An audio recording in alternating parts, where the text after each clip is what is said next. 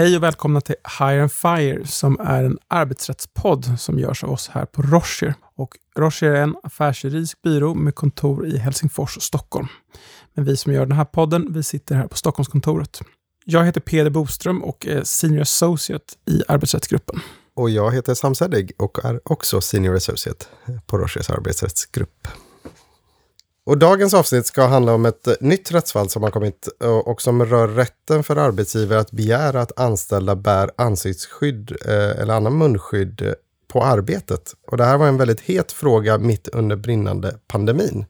Nu har ju pandemin, den är fortfarande kvar, men det, det, kontoren har öppnat och det är inte samma typ av samhällsfarlig klassad sjukdom längre. Men domen är väldigt intressant från ett principiellt perspektiv, för den berör arbetsledningsrätten i stort. Och det var det vi skulle fokusera på idag, tänkte vi.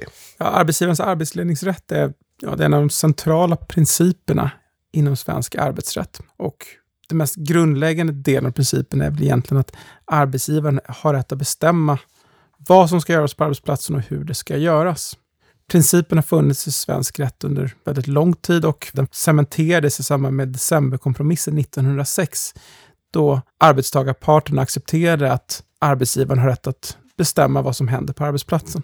Och det är liksom utgångspunkten. Men facket har en möjlighet i enlighet med 34 paragrafen medbestämmandelagen att lägga ett tolkningsföreträde. Och om facket lägger ett tolkningsföreträde så, så gäller fackförbundets uppfattning i en arbetsledningsfråga, om en arbetsledningsfråga alltså var okej okay eller inte, fram till dess frågan är slutligt avgjord.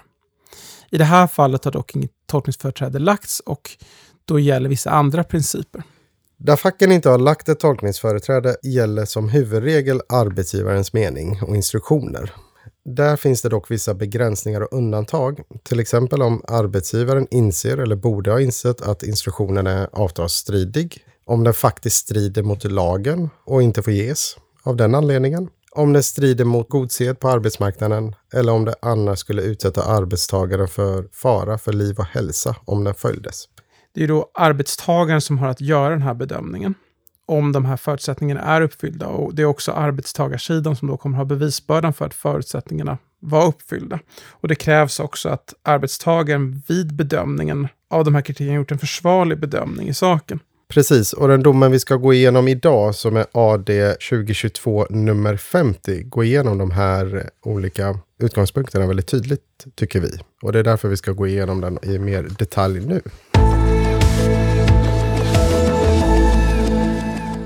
Det som har hänt här, det är att den 20 april 2021 så införde bolaget vissa krav på att man skulle ha munskydd på sig på vissa delar av lokalerna som bolaget bedrev verksamhet i. Men det fanns då undantag. Till exempel var en arbetsplats som kallas Friggon, fanns det då ett undantag och där behövde man inte bära munskydd. Och det berodde i grunden på att där kunde man hålla så pass stort avstånd mellan arbetstagarna att något munskydd inte ansågs behövligt. Hur som helst så hade man en diskussion med den berörda arbetstagaren i det här fallet, som kallas BS, redan samma dag som det här kravet infördes och man diskuterade med honom och kom överens om att han i så stor utsträckning som möjligt skulle arbeta på Friggon, men att det inte helt gick att förlägga hans arbetstid till Friggon, utan han var även tvungen att arbeta på andra arbetsplatser och att där har i alla fall arbetsgivaren framfört att när han arbetar på andra delar av den här arbetsplatsen, då måste han bära munskydd. Redan dagen efter att munskyddskravet hade införts så gick BS runt i den del av arbetsplatsen där man då var skyldig att ha munskydd och då inte hade munskydd på sig. Detta uppmärksammade en chef honom på och han sjukanmälde sig därför och var hemma till och med den 13 maj. När han återkom till arbetet den 14 maj så uppstod återigen diskussion om att han bröt på kravet mot att använda munskydd och han gick därför hem från arbetet och återkom inte förrän den 21 maj. Då gav bolaget honom en skriftlig erinran på grund av olovlig frånvaro och hans vägran att bära ansiktsskydd. Han sjukanmälde sig återigen samma dag och när BS kom tillbaka den 27 maj bar han inte ansiktsskydd och han underrättades därför om tänkt avsked och avskedades den 17 juni 2021. Och det är då det här händelseförloppet som den här domen kretsar kring. Men eh, vilka, vilka bedömningar gjorde Arbetsdomstolen av hans agerande? Domstolen konstaterar inledningsvis att eh, arbetsledningsrätten är väldigt vidsträckt och arbetsgivaren får bestämma vilken typ av klädsel och utrustning som arbetstagaren eh, ska ha på sig under ett arbetspass. I det här fallet hade facket inte heller lagt in ett tolkningsföreträde eh, och då gäller helt enkelt arbetsgivarens mening såvida det inte finns en av de här omständigheterna som vi pratade om inledningsvis. Och I det här fallet var det två omständigheter som man gick igenom lite närmare. Först och främst att det finns inget avtal eh, mellan arbetstagaren och arbetsgivaren om att arbetstagaren helt skulle slippa använda ansiktsskydd. Det konstateras att när han jobbar i frigon så behöver han inte använda det skyddet. Men i övrigt så ska han göra det så som övriga anställda också skulle. Ja, man, man konstaterar ju då att därför finns det ju ingen anledning, i och med att det då inte finns, finns ett avtal om att han inte skulle vara skyldig att bära ansiktsmask, så finns det ju heller ingen möjlighet för arbetsgivaren att inse att de har brutit mot något sådant avtal. Och den andra frågan som man prövar är om det föreligger fara för liv och hälsa för arbetstagaren ifall han skulle använda det här ansiktsskyddet. Och det intressanta här är att det finns vissa läkarutlåtanden från arbetstagarens läkare där det konstateras att det skulle kunna innebära besvärligheter för arbetstagaren om man använder ansiktsskydd.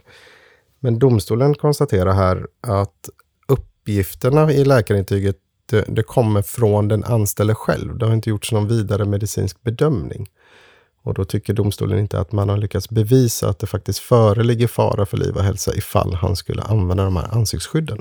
Så även där går man på arbetsgivarens linje eh, om att det inte föreligger fara för liv och hälsa. I vart fall har det inte kunnat bevisas. Ja, och det faller du tillbaka på arbetstagarens bevisbörda, att det är arbetstagaren som har att bevisa att de här förutsättningarna är uppfyllda för att man inte ska vara skyldig att följa order. Och mot bakgrund av de här eh, omständigheterna så tycker man att eh, arbetstagaren hade att följa de instruktioner som arbetsgivaren har gett om ansiktsskydd. Och eftersom arbetstagaren inte lyckades bevisa att det förelåg fara för hans liv och hälsa om han skulle använda det här ansiktsskyddet, eller om att det annars fanns ett avtal mellan parterna som gjorde att han inte behövde använda ansiktsskydd. Och därmed konstaterar man också att hans agerande har varit i strid med arbetsgivarens instruktioner och utgjort en ordervägran. Arbetsdomstolen övergår sen till att resonera kring om den här ordervägran är tillräckligt allvarlig för att arbetsgivaren ska ha rätt att skilja dem från tjänsten. Och det man då konstaterar är att arbetstagaren vid upprepade tillfällen i strid med bolagets instruktioner har vistats i lokalerna utan att bära ansiktsskydd.